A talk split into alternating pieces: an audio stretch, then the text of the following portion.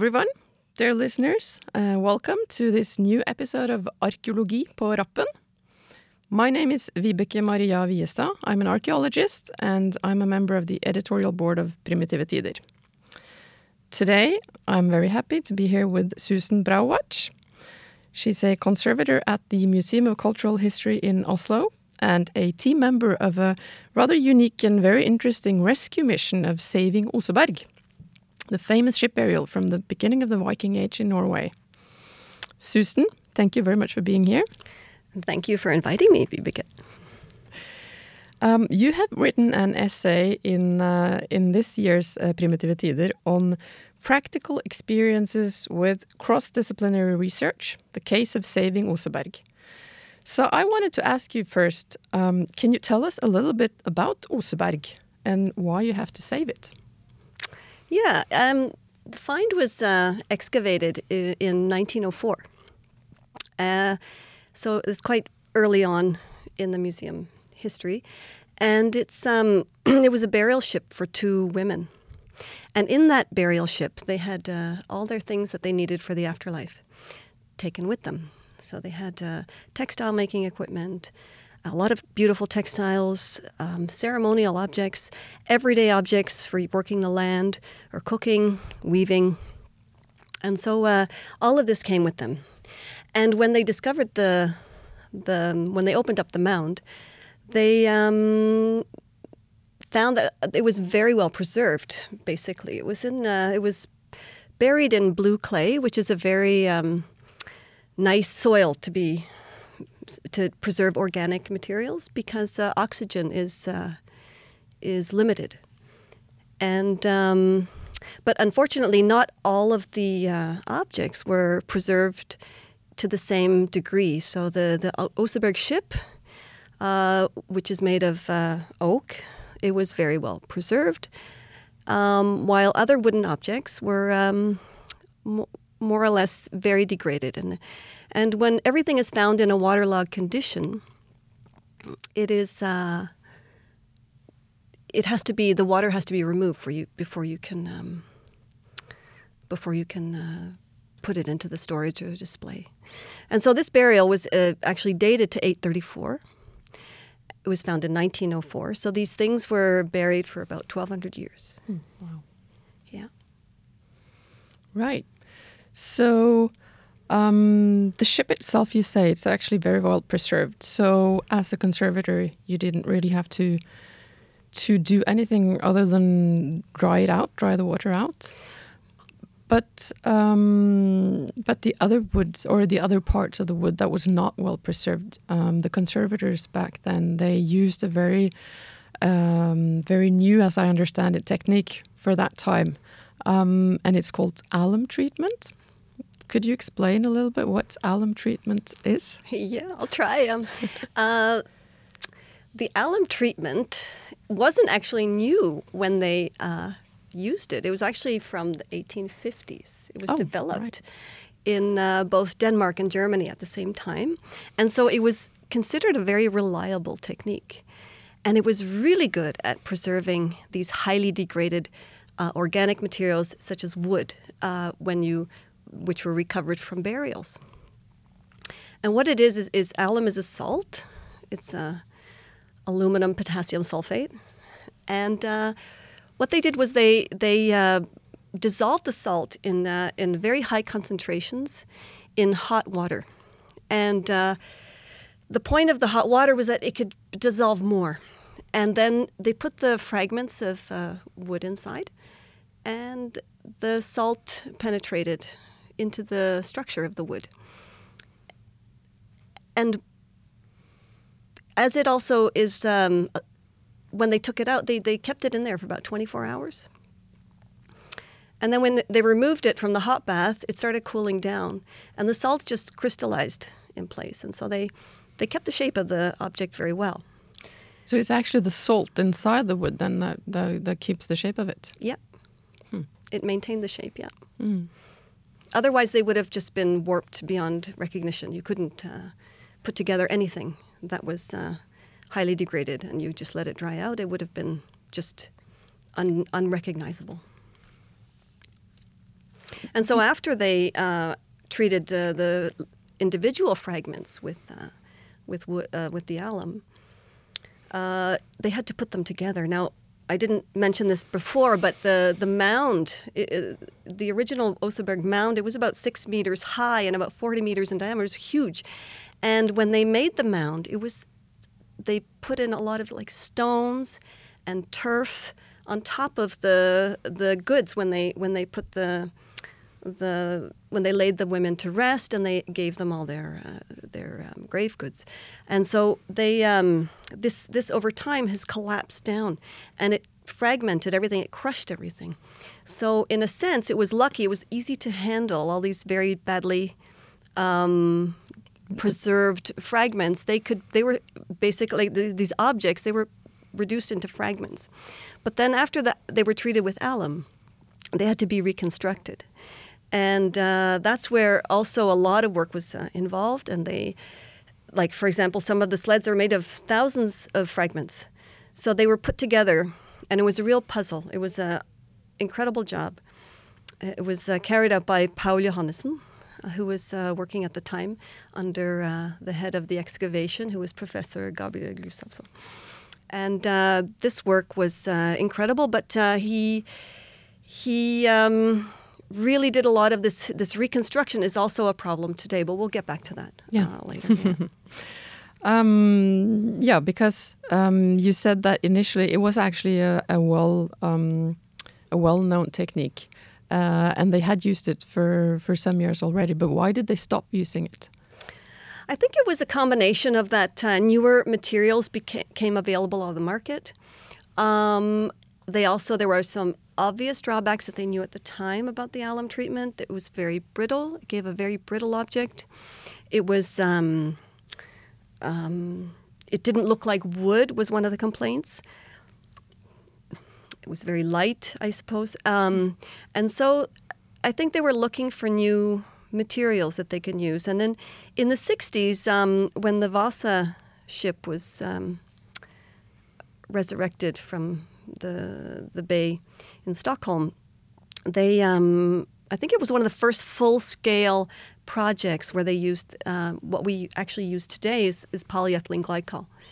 It's uh, safe to use. It's relatively cheap, and it's compatible with water. So you, it's miscible with water. You can you can replace easily the water in the wood with uh, a, uh, this, the solution of this polymer, and then you dry it, and then and then suddenly I think from then it became uh, just tried on a lot of things and uh, other pla- in other museums, and they I think it was just gradually adopted as one of the As a of the- better yeah, method, yeah. yeah. Because what we've come to realize um, is that the alum treated objects are really very brittle um, and they fall to pieces easily, right? yeah.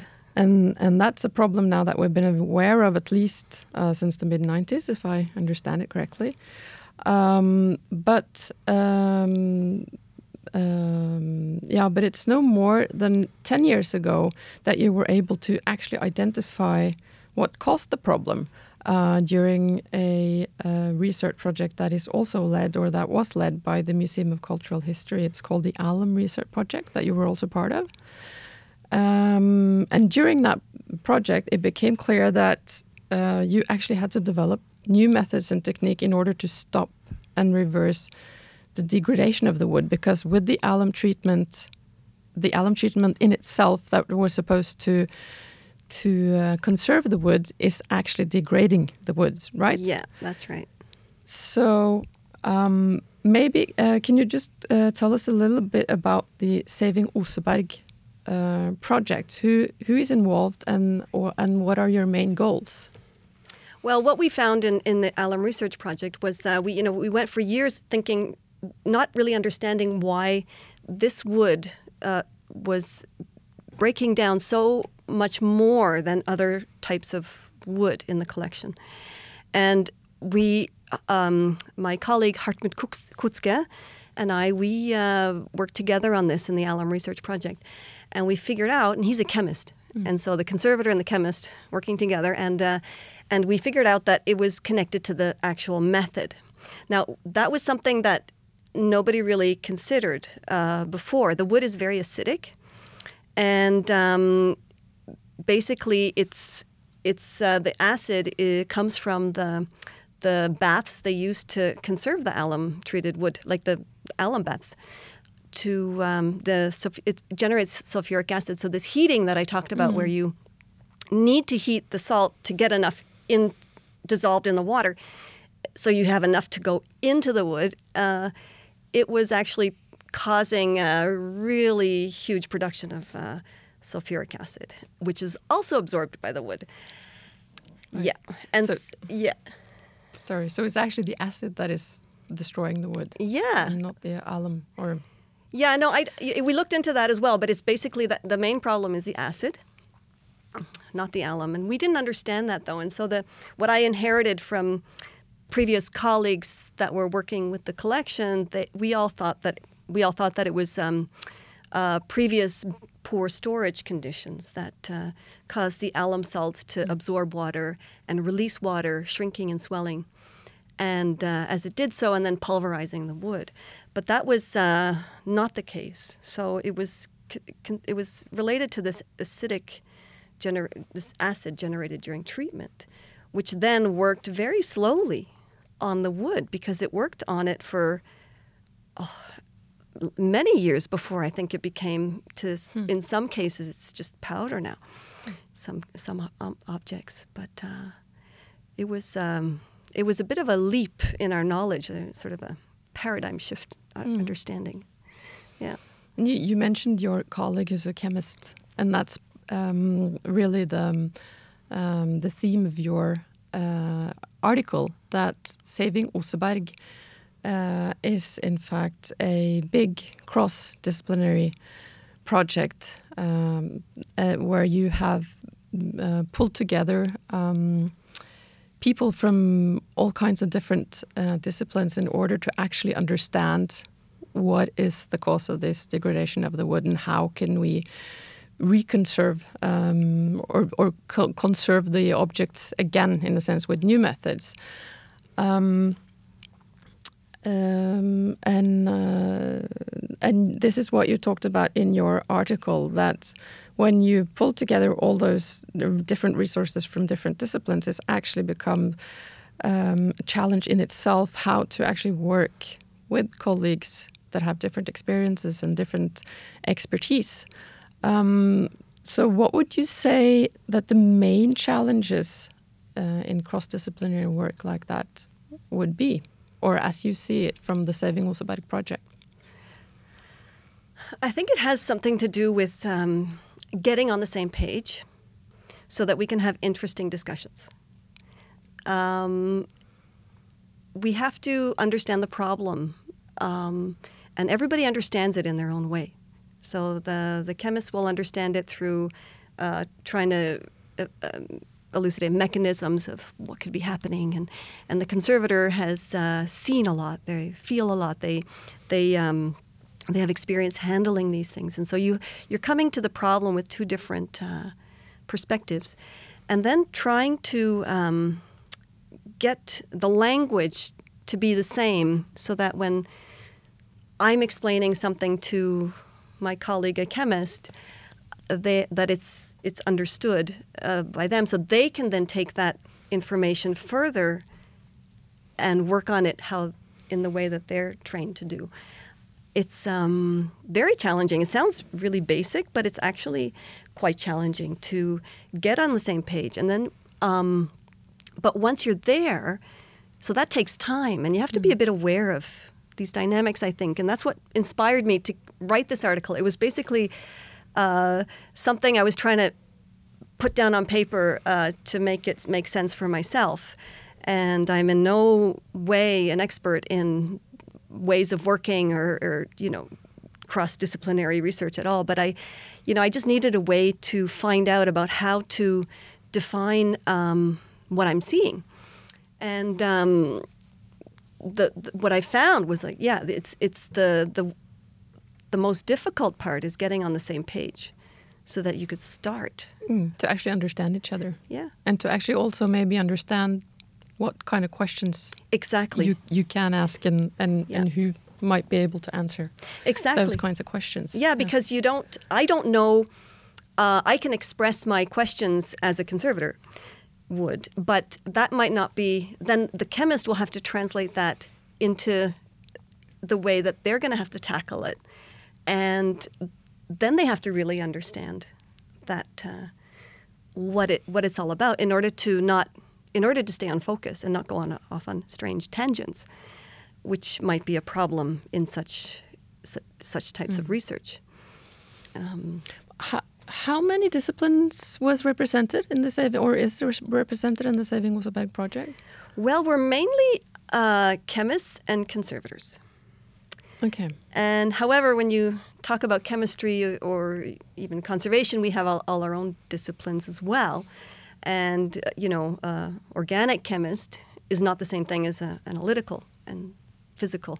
So, um, so we've had, uh, we've had, we have an analytical chemist, we've had a metallo-organic chemist, and uh, somebody who's um, specialized in conservation science, which is with a heavy chemistry background. Uh, we have a physical chemist in Nottingham. So we have, um, and then so. Um, and we've had to also collaborate with uh, when we when we go off on research days we, with uh, physicists, uh, imaging experts, wood scientists, engineers um, to um, to carry out some tests and analysis that we can't do in house. Mm. Yeah. So when you do this work, would you do? I mean, would you actually work together, or would you work? Uh, separately and then come together to discuss whatever you have uh, found out or, or worked on um, in your own laboratories or? Well it's it's both. It's both because and what the nice thing is that we're sitting together. So we are um, a group in oslo that we're very fortunate to sit together. We're also um, working together in saving oseberg with uh, the university of pisa. So we have an analytical chemist there who actually specializes in cultural heritage materials and wood, archaeological wood, and specific, specifically. Um, we have uh, also partner in uh, Nottingham, the University of Nottingham, mm. England, and this is where the physical chemist comes in, and um, who's done a lot of work with uh, with uh, biological polymers. And then we've got a group in the Netherlands in the Wageningen as well. So, and this is the most recent group now, the recent const- constellation.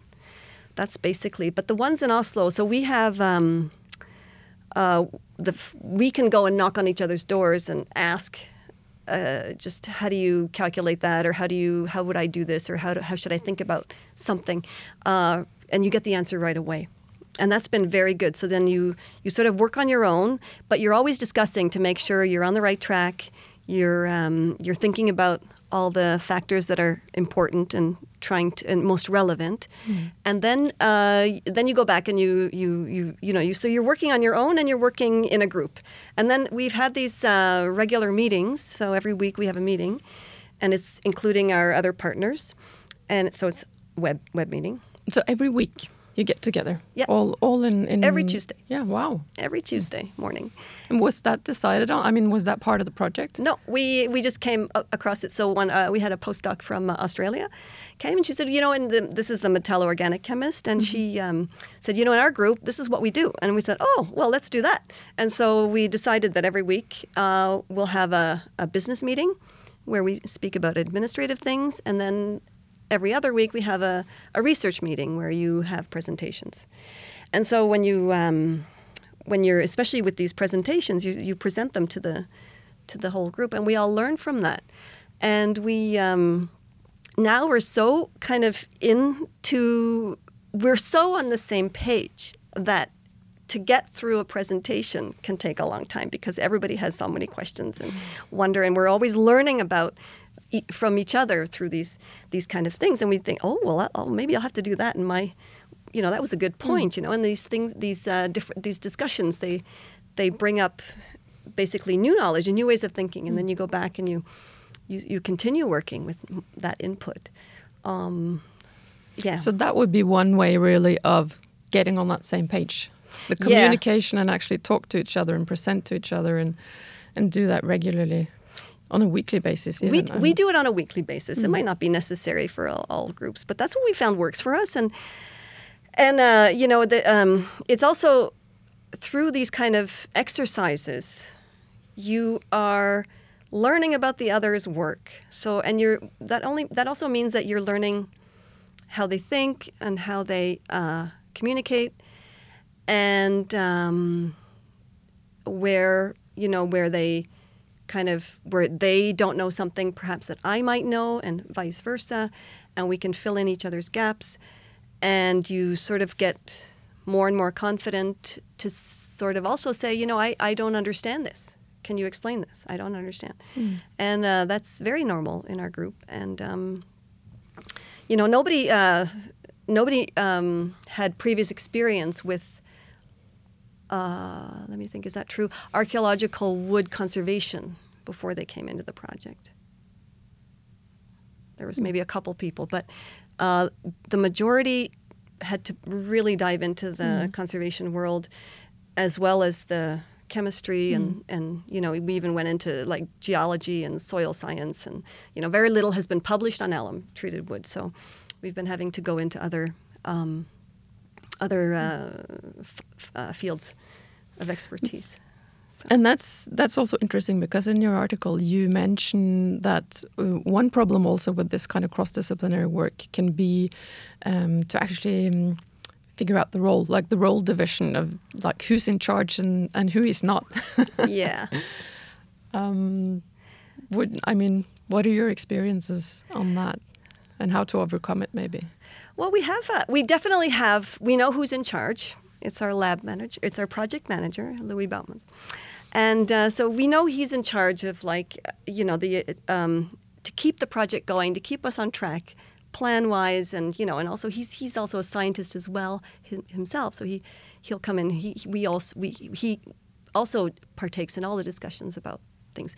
But we, um, you know, we generally. Um, I feel like there's so much work to do that um, there's no room for like I do this and you do that. Um, if it falls naturally into what you, the question you want to work on, you know, we, somehow it just came naturally that we figured out what I want to work on, what you want to work.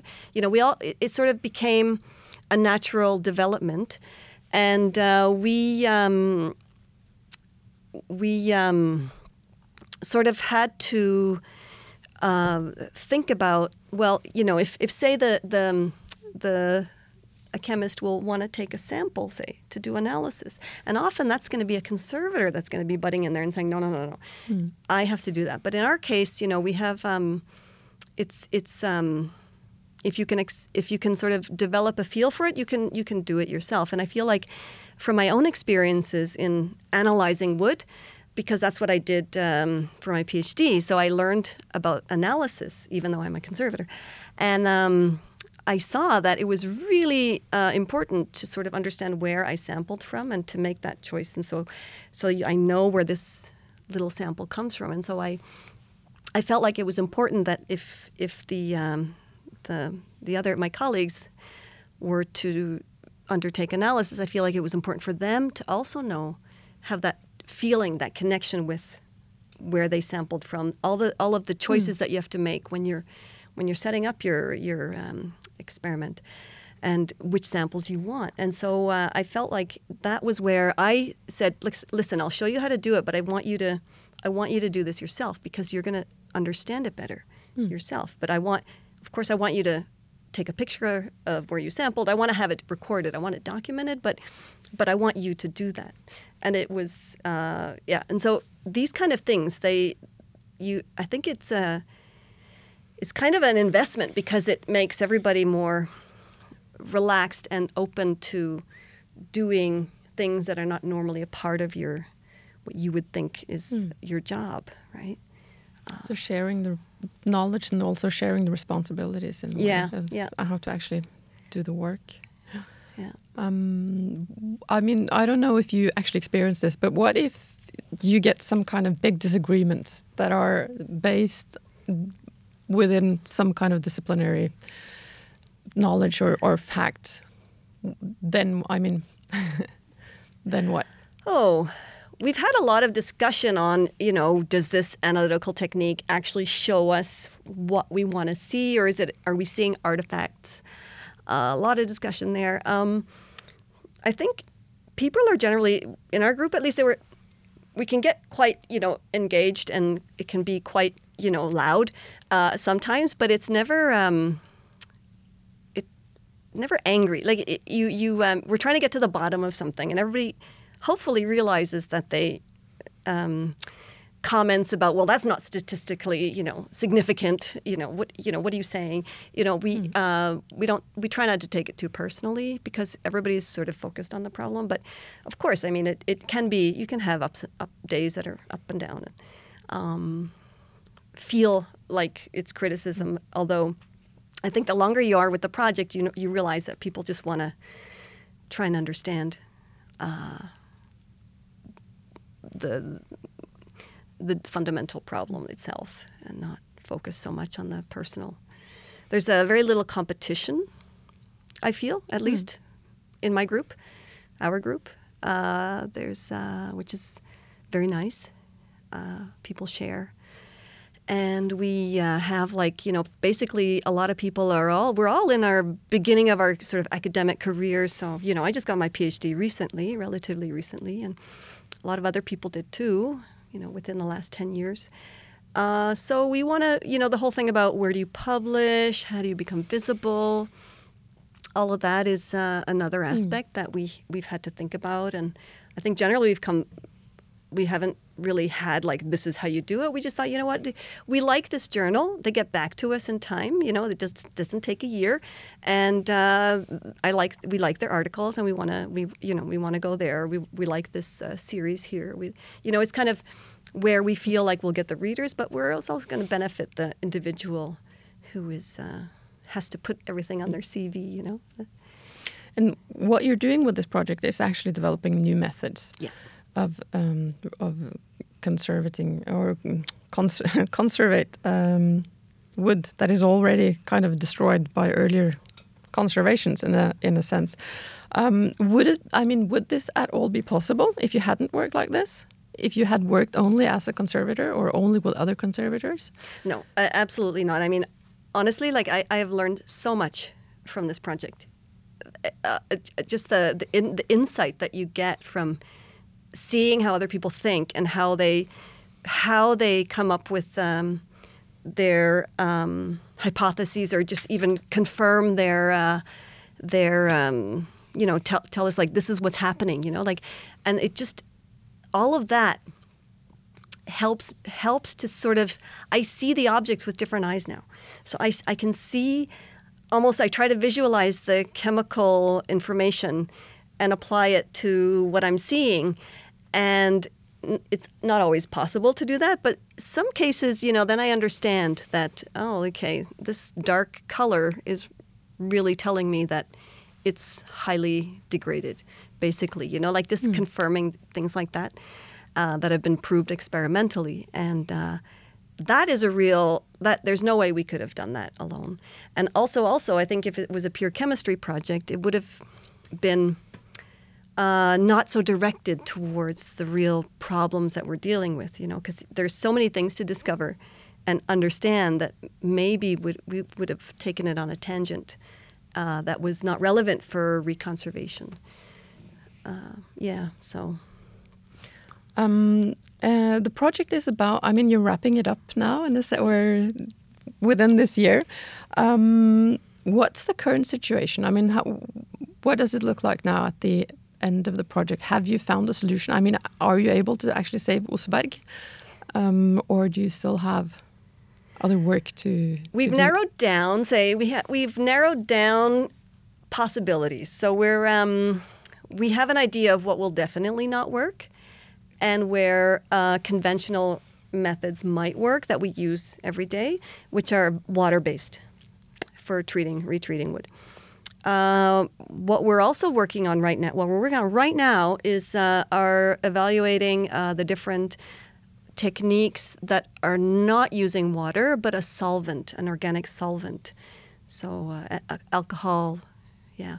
And um, because in some cases, water is going to destroy the object if you put it in there. And so we're evaluating different uh, um, methods that we've tested extensively on archaeological wood that has been discarded from excavation sites. So we're very much uh, open to receiving unwanted archaeological wood uh, for test material because we can't test on the Oseberg material directly, Obviously. especially with unknown methods. But I mean, how would you test it? Would you then first alum treat it and then Well, de- well, de- yeah, exactly. Like it depends on uh, how what you want. Like so, first of all, we test it on things that are not alum treated because we're looking at penetration, we're looking at interaction with the wood, we're looking at general things, concentration, uh, type of catalyst you want to use. Um, even type of solvent. So you uh, you want to see if it's actually going to uh, just work on its own without the alum. And you know, I have treated a, a lot of wood with alum to make it um, sort of mimic a little bit of Oseberg, but I can't get it to get as degraded as the wood that we have. I've really tried, but it doesn't work.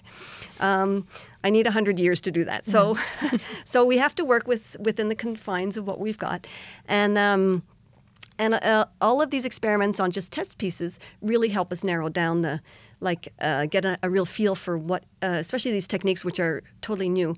We have to have a, we have to be quite sure that they they might be a good, um, give a good outcome if when when we tested on the um, the original material. So we have not been testing solely on alum treated archaeological wood. We've done some things uh, on some model. They're called model samples. So where we've artificially, in, you know, introduced alum, like made alum treated wood, but it's not the real thing.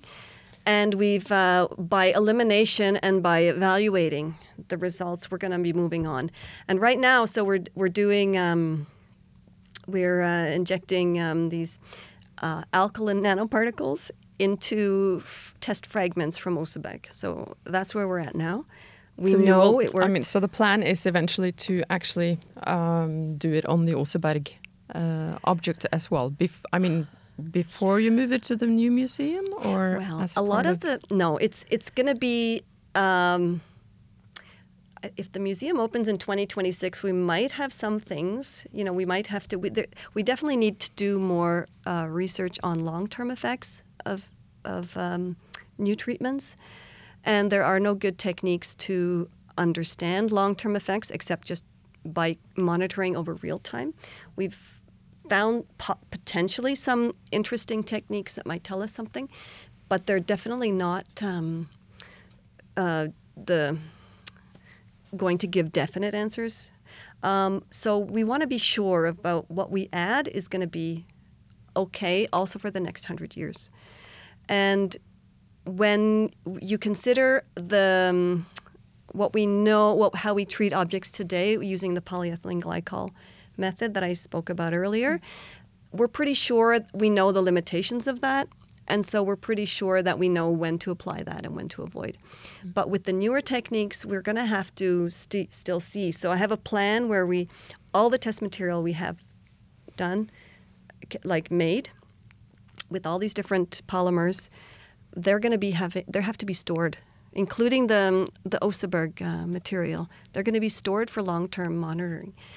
Um, but we're going to see. We're we're trying to work as fast as we can to sort of have some definite uh, ideas. But there is a challenge of um, what to do with the highly reconstructed objects, such as the sleds. So we're, we're st- we have to still, you know, think about. Uh, it's not only the the polymer; it's also the method of application, whether it's appropriate in uh, to do this in a setting like we'll have to do it in situ, so in the museum. Uh, So will we in the new museum? Will we still be able to actually see the sledge and all the other yeah, yeah. objects from the from the burial? But once we start, uh, whenever we do start working on them, we'll have to probably cordon that section off. But I, that's a future. Uh, that's something that's going to have to be dealt with in the future. Like, yeah. but we're definitely not taking out things off of display. There will be things to see, and luckily, this this uh, you know we don't we don't know how fast this degradation is happening. We've tried to look into it. It's not so easy, but we f- we feel we still have some time to um, to ponder Yeah. That's great to know. Yeah. Um, Susan, do you have any advice that you would share with others who might consider venturing into this kind of cross-disciplinary projects? Well, um, giving advice.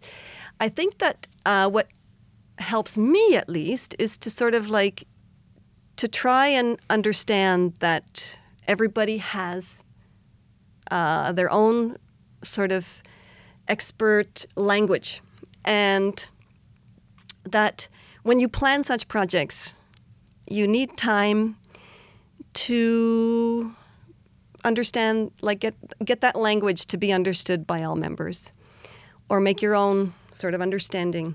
And that takes time.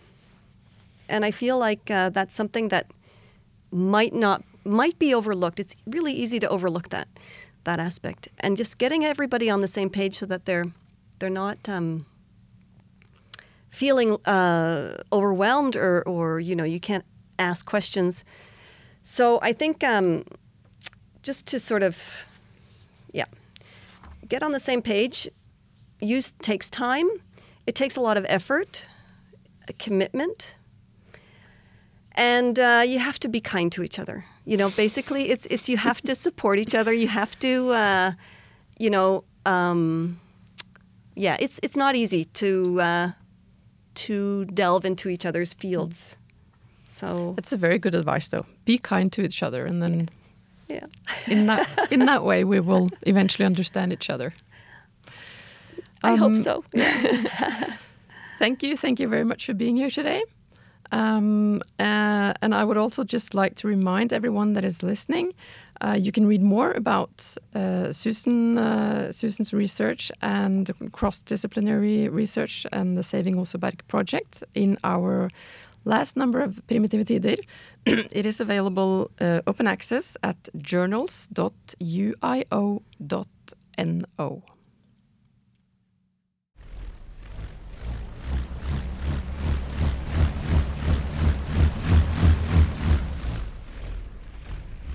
Mm-hmm.